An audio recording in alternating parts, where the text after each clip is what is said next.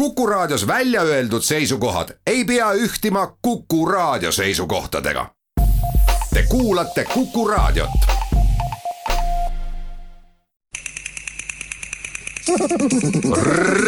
reisirada. Give me five names of famous men. that have visited our clinic? No, Or, okay. just that comes to your mind. Oh my goodness. I think of football players immediately. Okay. So, uh, so let's say Lionel Messi, Cristiano Ronaldo, um, Neymar. Uh, let's say another man. I mean, un- unfortunately, uh, Donald Trump. Now that he's the the president, uh, that's that's four. The fifth person. I want to be careful. I'll say Roosevelt. Tim Lutski nimetab soojenduseks nimed tuntud meestelt, kes talle pähe tulevad. ja nüüd vaatame, millised on naiste nimed, mis neile järgnevad. Famous women. Oh my goodness. Let's say Christina Aguilera, um, Jessica Alba, um, Angelina Jolie.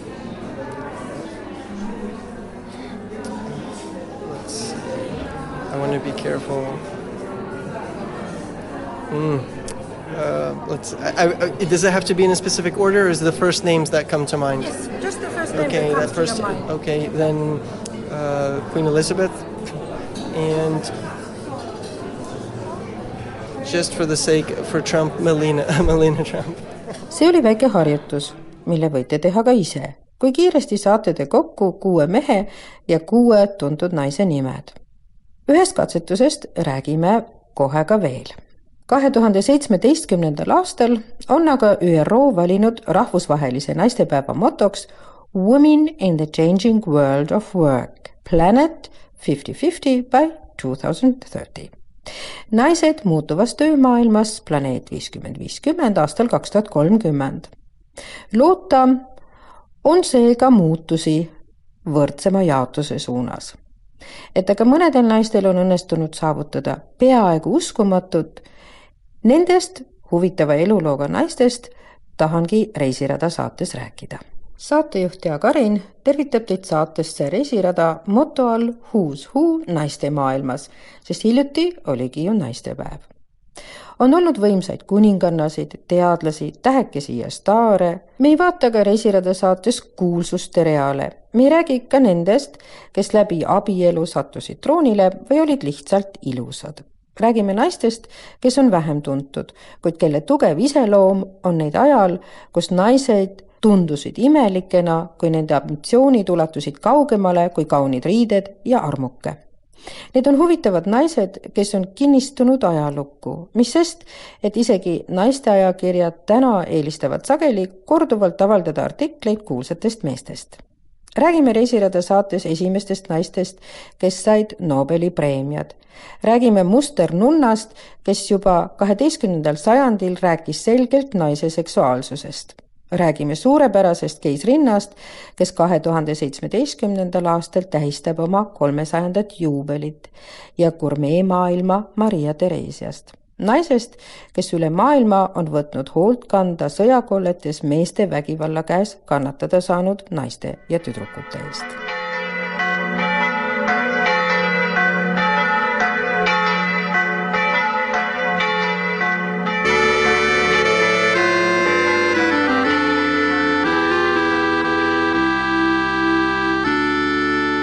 Kui paavst Benedikt kuueteistkümnes kuulsa benediktiini nunna Hildegard von Bingeni aastal kaks tuhat kaksteist kuulutas pühakuks, nimetades teda naiseks, kelle omadusteks olid elav intelligents ja sügav sensitiivsus, mõtles ta vaevalt Hildegard von Bingeni loodusteaduslikele raamatutele. Nendes kirjutas kuulsaks saanud nunn kiudainete tervistavast mõjust inimese seedetraktile ja just siis kui kristlik maailm oli igasuguse lõbu ja rõõmu vastu muutunud kõige vaenulikumaks, rääkis Hildegard otse ja vabalt naise seksuaalsusest. just see musternunn, Hildegard von Bingen, oli see, kes esimesena kirjeldas naise orgasmi ja seda kaheteistkümnendal sajandil. Hildegard von Bingenit nimetatakse sageli ka esimeseks saksa arstiks.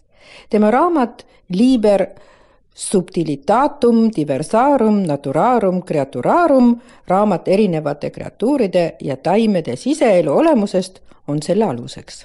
kahe tuhande seitsmeteistkümnendal aastal on tema üheksasaja üheksateistkümnes juubel tema teadmised viisid ta kokku oma aja võimsate valitsejate ja suurkujudega üle terve Euroopa, nagu näitab tema kirjavahetus keiser Friedrich Esimese ja Barbarossaga.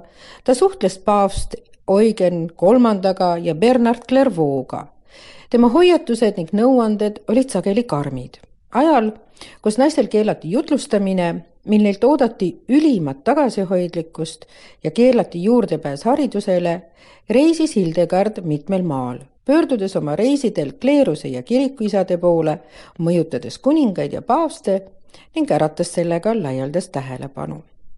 Täna tõendavad teaduslikud uurimused kõigil viiel kontinendil, et see, mida Hildegard von Bingen kuulutas juba kaheksasada aastat tagasi, vastab tõele kaheksakümmend protsenti haigustest on ise tehtud.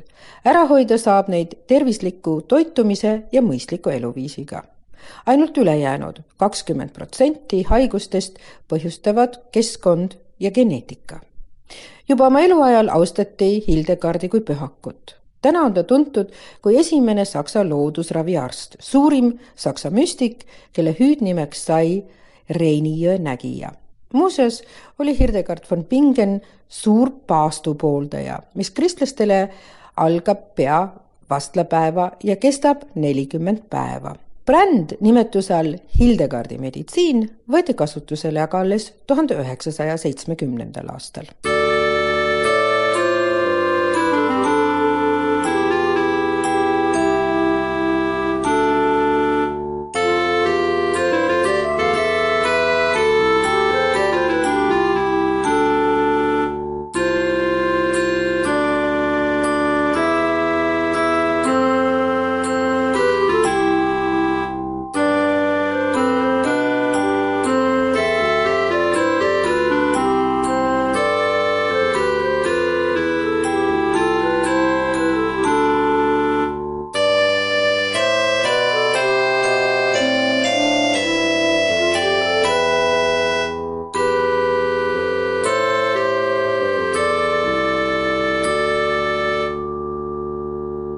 Grafinna Kinski von Schinitz ja Tettaul oli seiklusrohke elu. kui ta abiellus, sai temast Berta Felicitas Sophie baroness von Suttner ning tema üheks saavutuseks oli, et ta mõjutas dünamiidi leiutajaid Alfred Nobelit looma Nobeli preemia fondi. sealjuures oli baroness Berta von Suttner ise esimene, kes selle rahu eest võitlejana ka sai selle väga tugevalt militaarselt mõjutatud ajal võitles paruness Berta von Suttner nagu tuuleveskitega rahu eest ja demilitariseerimise eest. esimese naisena läks ta ajalukku kui Nobeli rahupreemia laureaat. tollal oli mõeldamatu, et nii prominentse auhinna juures oleks arvestatud ka naistega. naised olid tegevuses parajasti sellega, et üldse pääseda ülikoolidesse Nobel aga andis tulevasele hindamisžüriile soovituse arvestada ühe konkreetse naise kandidatuuriga, keda ta austas, kellega teda sidus aastakümneid arutelusid maailma rahu üle ja kelle sooviks oli tollal veel noort rahuliikumist selle auhinnaga toetada ja tugevdada.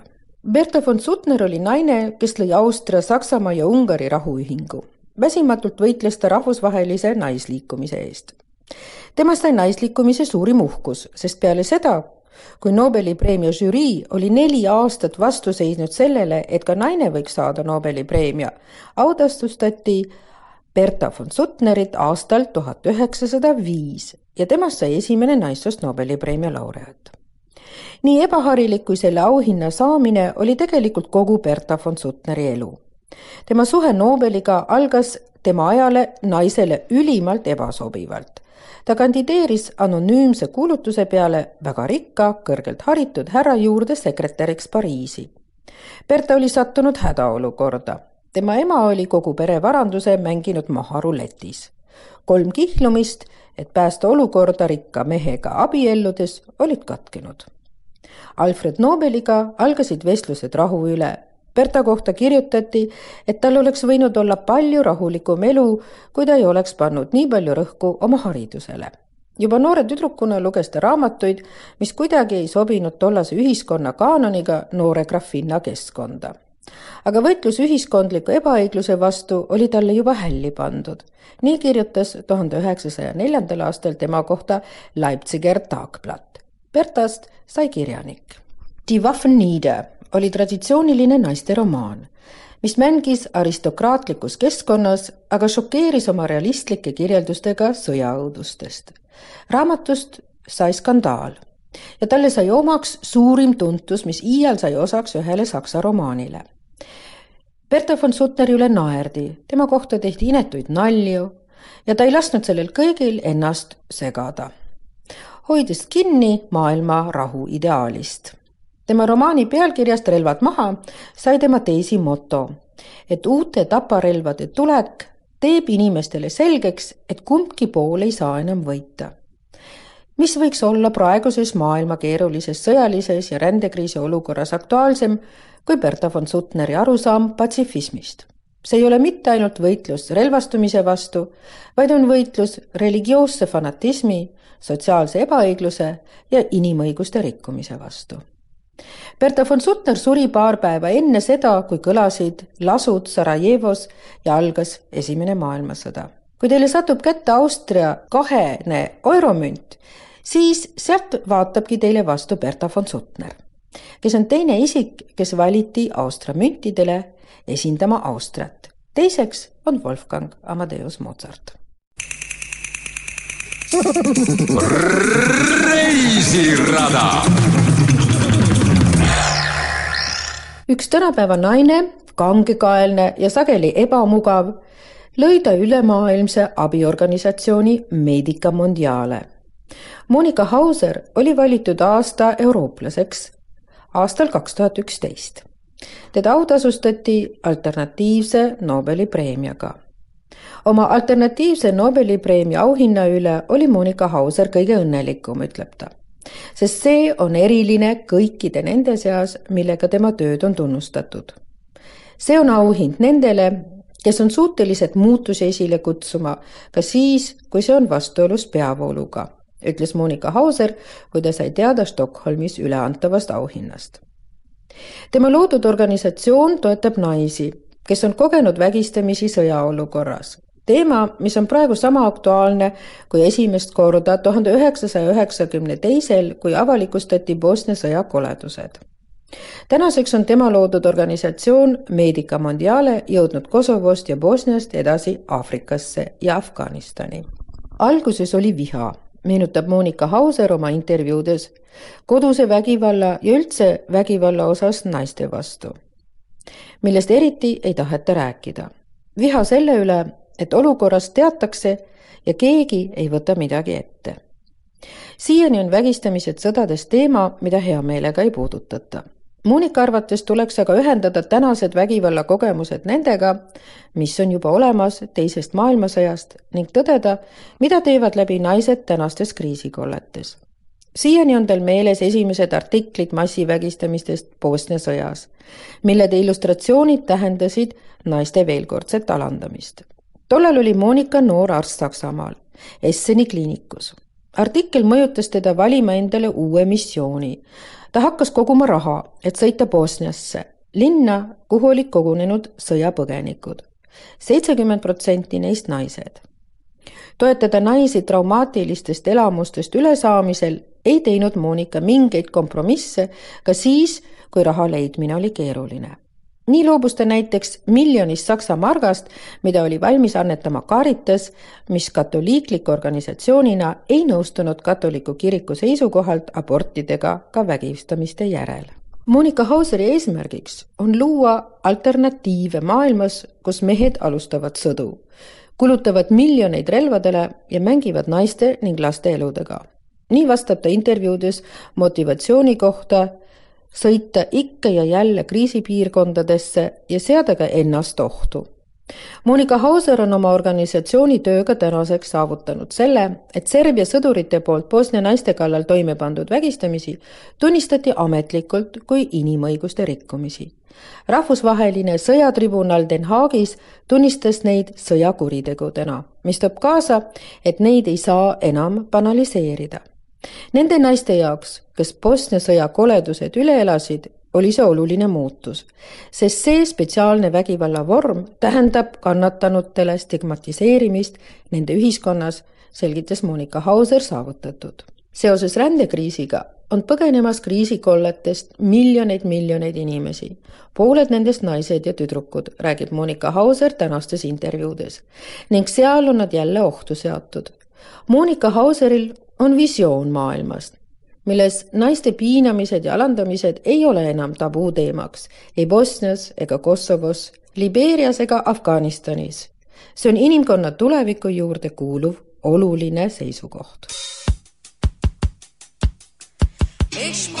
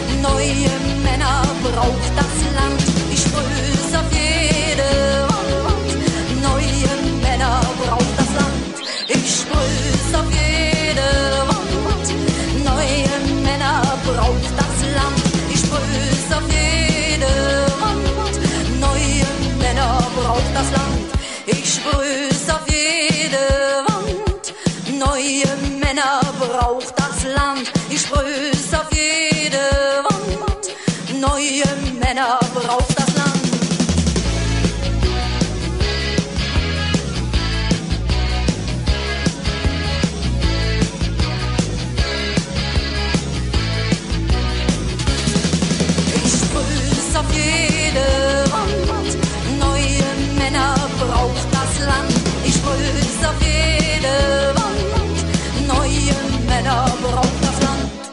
Tema oli üheksateistkümnenda sajandi üks esimestest ettevõtjatest ja samas üks Austria monarhia mõjuvõimsamatest naistest.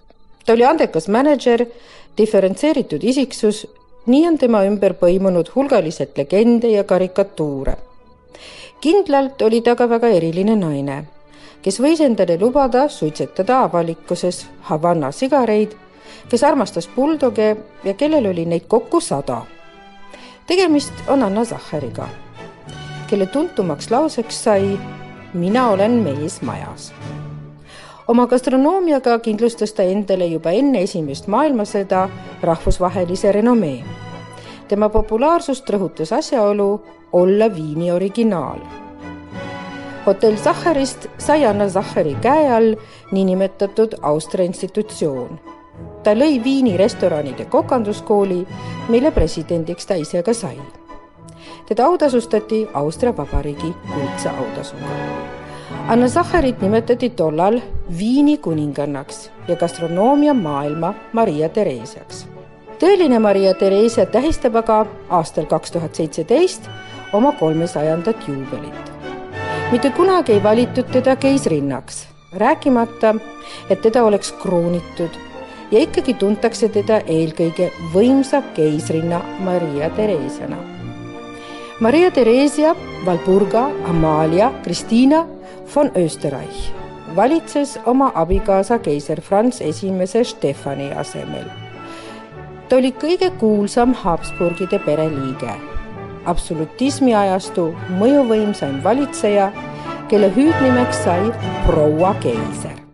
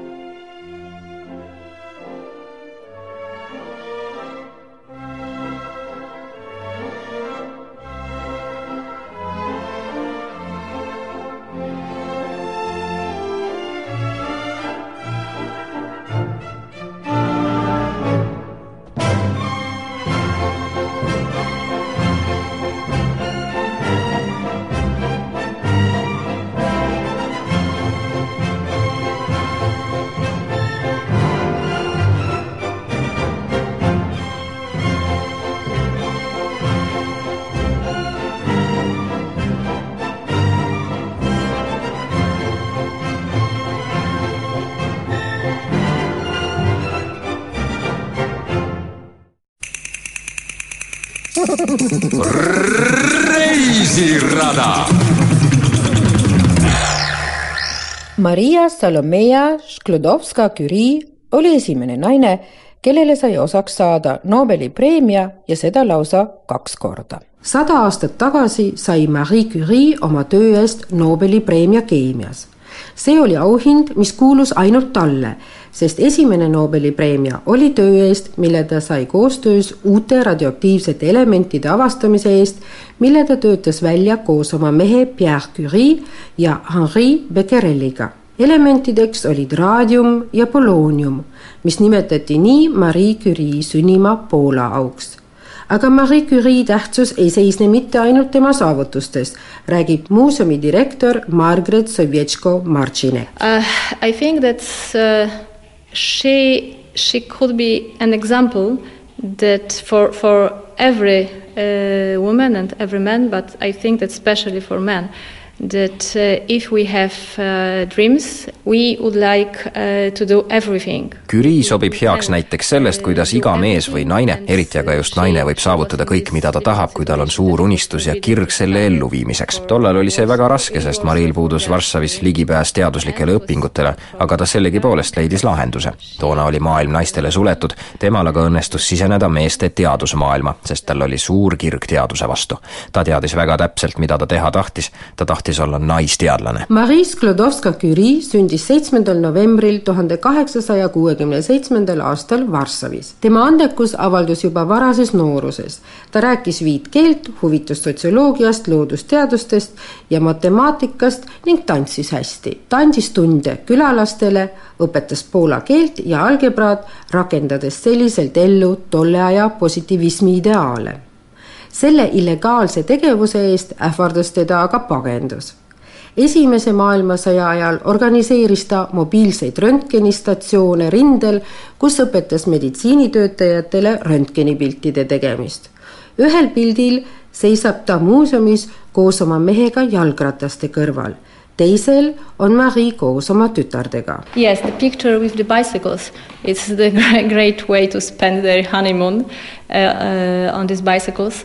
And the picture uh, from 1906, she's a widow. She became a widow in this uh, year. And on the picture we see her Uh, with uh, two daughters. pilt, kus nad jalgratastega poseerivad, on tehtud nende mesinädalate ajal. teine pilt on aga aastast tuhat üheksasada kuus, kui Marie Curie oli juba lesk. pildil on ta koos oma tütardega, kellest noorem on kõigest pooleaastane. vanem, Irene, on üheksane ja tema näol on seda kurbust ja kaotuse valu selgesti näha. selles ruumis on mitmeid Marie Curie'le kuulunud esemeid mida siia on kogutud juba aastast tuhat üheksasada kuuskümmend seitse, kui muuseum loodi sageli tulevad siia vanaldased daamid, kes ütlevad, et ma toon teile mõne oma ema asja, ma arvan, et see peaks kuuluma siia muuseumisse. ja selliselt on võimalik olnud koostada ka väike toanurk tollest ajast, mis oli tüüpiline Marie Curie ajastule, räägib direktor. For me it's very important because I like climbing and you know in Poland the uh, highest topic is the Rysy and two, uh, 2499 meter.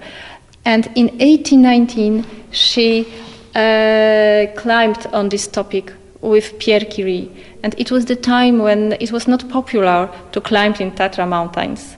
And for me, it is it is great because it's it uh, it shows that she was normal uh, normal human being, yes, normal woman, and she was not interested in uh, science, but also in usual um, life. She she likes she liked uh, mountains. She likes theater. She likes she liked music, poetry. So it was not only uh, kuna mulle meeldib mägironimine, siis on mulle isiklikult oluline hoopis lugu sellest, kuidas Curie Poola kõige kõrgema mäe tipus käis. see on kaks tuhat nelisada üheksakümmend üheksa meetrit kõrge ja aastal tuhat kaheksasada üheksakümmend ronis ta koos oma mehega selle mäe otsa tookord ei olnud Tatra mägedes ronimine veel sugugi populaarne, aga see näitab, et Curie elu ei möödunud ainult laboriruumides teadust tehes, vaid talle meeldis ka muusika, teater ja igasugune muu meelelahutus. Margaret Sovjetško-Martšinek rõhutab, et see oli aeg, mil naisena oli palju julgust vaja, et olla teistsugune ja siiski saavutas Marie Curie selle, et me võime öelda, et ta oli esimene lektor ülikoolis, esimene naisprofessor, tegi esimesena autojuhi load tavainimese jaoks oli ta tõepoolest imelik ja meeste jaoks seda enam, et ta üldse mõtles nii, et on nendega võrdne ja Margaret Sovjetško-Martšinek naerab, et ajad ei ole siiski päriselt muutunud yes. Maybe not exactly in this level, but yes, more or less the same. Nobeli preemia sai Marie Curie oma saavutuste eest füüsikas ja mõned aastad hiljem keemias. ta leiutas radioaktiivsuse teooria ning radionukleiidide lagunemise tehnika. tänu tema avastustele tekkis uus keemiavaldkond, radiokeemia koos Henri Becquereliga jälgis ta uraaniühendite kiiritust ning leiutaski selle sõna jaoks uue termini radioaktiivne. tema käe all uuriti esimest korda ioniseeriva kiirituse kasutamist vähiravis. Marie Curie on tänaseni ainuke naine, kellest on saanud mitmekordne Nobeli preemia laureaat ning Linus Paulingi kõrval, kes on kahekümnenda sajandi tähtsaim keemik, on Marie ainuke isik, kellele on omistatud Nobeli preemia kahes erinevas valdkonnas. vähemalt oli see seis nii kahe tuhande üheksandal aastal. Marie Sklodowska-Curie oli ainuke naine, kes võttis osa iga-aastastest Solvay konverentsidest, mis korraldati parimate teadlaste jaoks. ta oli esimene naisprofessor Sorbonni ülikoolis, tema intiimsuhe teadlase Paul Langviniga, kes oli tema mehe endine õpilane ja abielus tõi talle negatiivse meedia tähelepanu, mis oli seotud ka tema kandideerimisega Teaduste Akadeemiasse ja ajamärgina tõi kaasa viis duelli tuhande üheksasaja üheksakümnendate aastate hüperinflatsiooni ajal oli Marie Curie portree Poola kahekümne tuhande slotisel rahatähel. tuhande üheksasaja üheksakümne viiendal aastal maeti Marie Curie esimese ja seni ainukese naisena oma teenete eest ümber Pariisi Pantheoni. Peale tema surma kirjutas Albert Einstein suurepärase essee, milles tõi välja, et Marie Curie oli ainuke inimene kõigi nende seas, keda tal elu jooksul oli au tundma õppida, keda kuulsus ära ei rikkunud.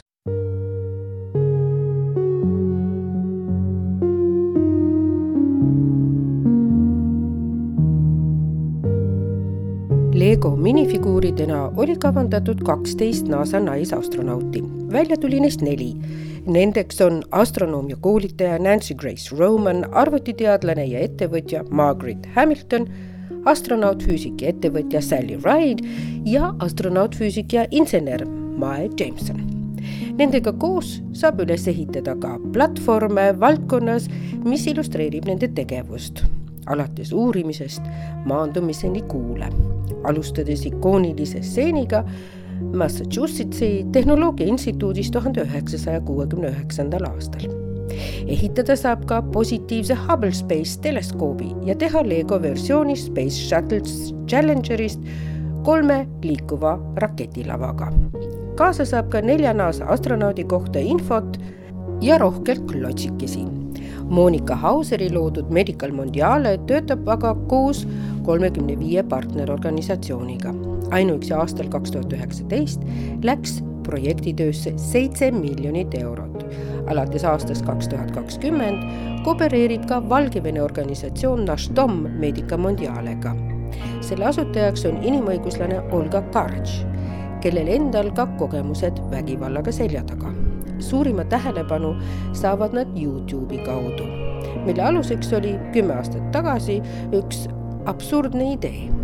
Noor kolleeg küsis, meenutab Olga Karatš, kuidas on see võimalik, et Lady Gaga ühe miljoniga jälgijaga on meist ees ja meist ei tea keegi.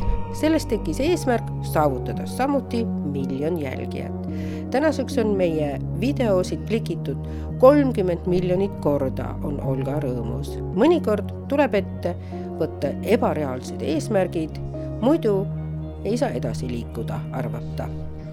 Rukmini Devi Arundale oli naine kahekümnenda sajandi alguses, kes harrastas India väljasuremisohus vana-India tantsustiili Bharatanatam, mida tantsisid hindu templites madalast kastidest naised ja mida seetõttu ignoreeriti.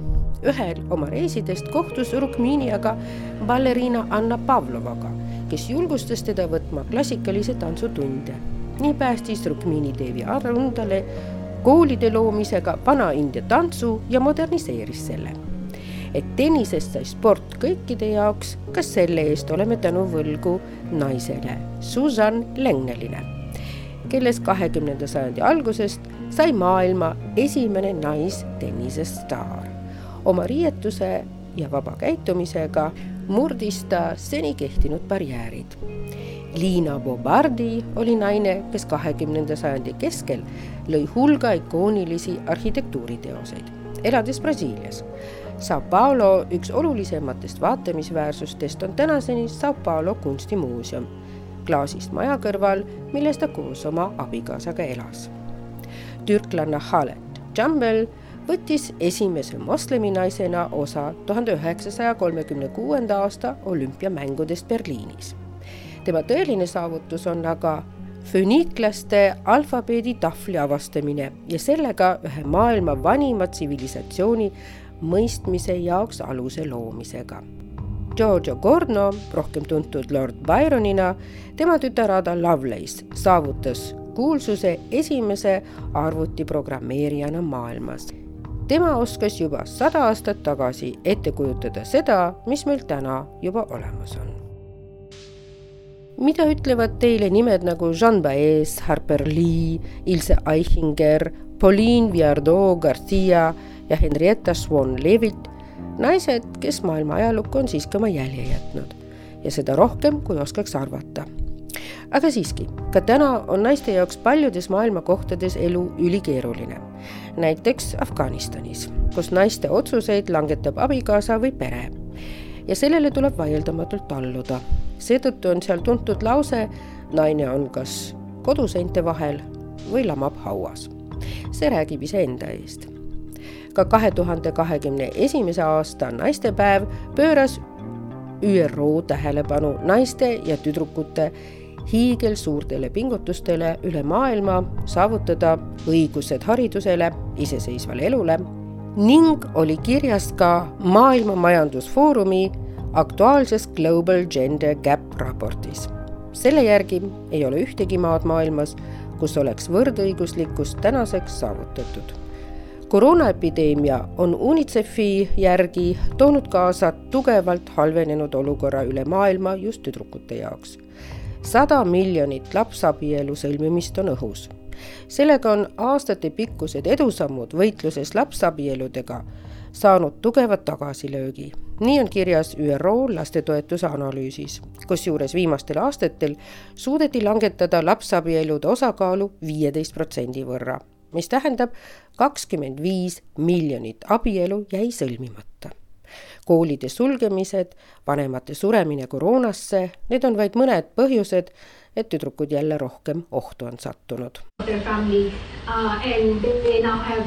extra work to do and they would not be able to return to school. So there is that gender disparity when we look at what could be the impact of COVID-19 on education right now while the pandemic is happening, but also what happens when the pandemic is over and children start returning to school. There is the risk that many girls would not be able to return to school.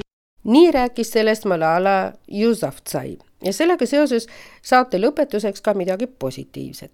kahe tuhande üheksateistkümnes aasta oli see, mil tähistati naiste õiguste eest võitlejate saavutusi. möödus sada aastat naiste valimisõigustest. Ja kaheksandal märtsil toimus ka Eestis naistepäeva seminar Naiste jõud, valiku ja otsustamisvabadus. Pakistani rahu Nobeli preemia laureaat Malala Yousafzai ja Apple TV pluss alustab Malala firmaga Extracurricular mitmeaastast koostööd, luues komöödiaid, animatsiooni, dokumentatsioone just laste jaoks. Malala pälvis kahe tuhande neljateistkümnendal aastal Nobeli rahupreemia laste õiguste eest võitlemisel ja on sellega noorim laureaat maailmas. kahe tuhande kaheteistkümnendal aastal elas ta üle atentaadi millel maskeeritud Talibani võitlejad Pakistani põhjaosas pidasid kinni tema koolibussi ja tulistasid teda pähe. Ka täna saab Malala ähvardusi, kuigi ta on kohtunud ka Barack Obamaga, paludes, et USA lõpetaks droonide rünnakud Pakistanile, jätkuvad vaidlused aga koduses miljöös tema vendadega, kes ei suuda Malala uut rolli aktsepteerida. kahe tuhande kolmeteistkümnendal aastal pidas Malala tollal kuueteistaastasena ÜRO peakorterist tulise kõne vajadusest naiste õigustest haridust saada. Tema sünnipäev, kaheteistkümnes juuli, on kuulutatud Malala päevaks. ja nagu ütles Laurel Thatcher Ulrich, Harvardi ülikooli emeriitprofessor, korralikud naised jätavad harva jälje ajalukku selleks eriliseks on ka Lexi Alford, kes oma noores eas, nimelt kahekümne kahe aastasena, on reisinud juba läbi viiekümne maa ning ta ütleb. ma arvan, et igaüks, mees või naine, peaks ükskord elus saama sellise kogemuse, mida tähendab reisida ja reisida üksi ja sõltumatult ja tunnetada, kuidas on manageerida oma äranägemise järgi seda hullumeelset maailma. see paneb su hindama aega mida veedad koos inimestega, kui oled tagasi.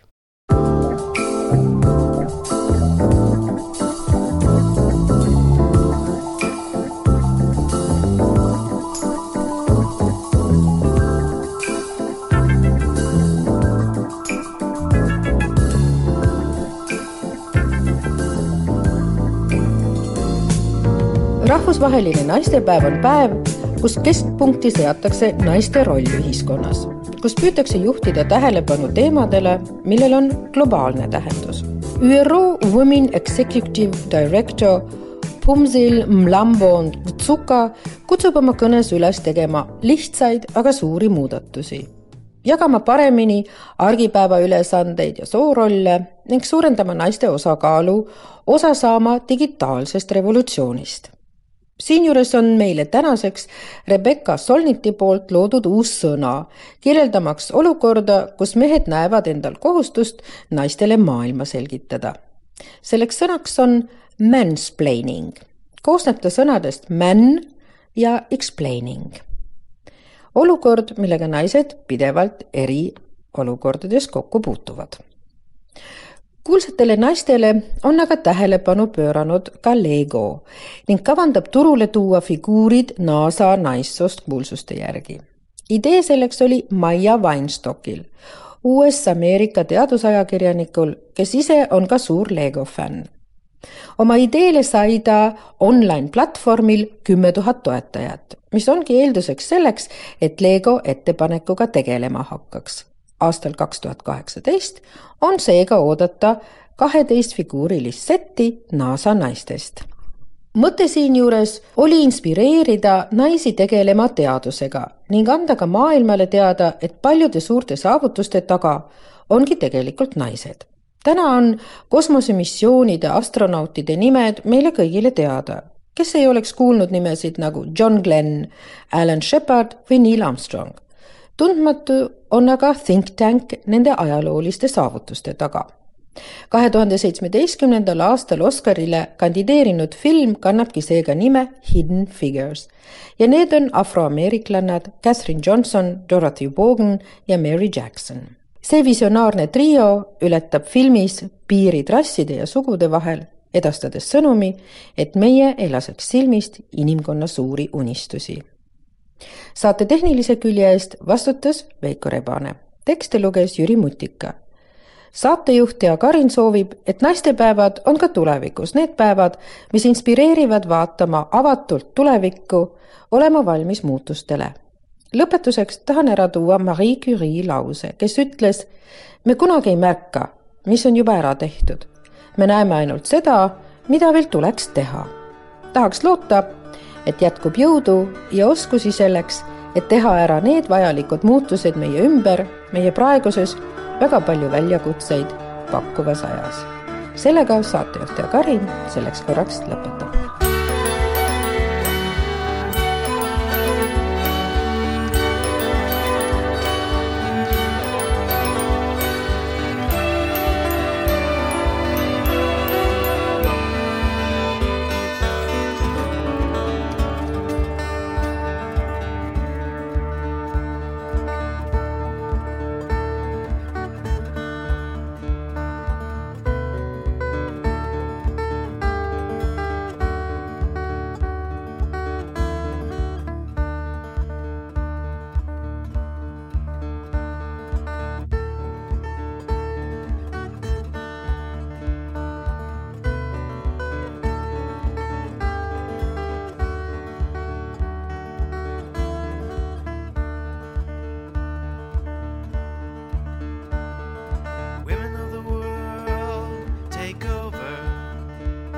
Cause if you don't,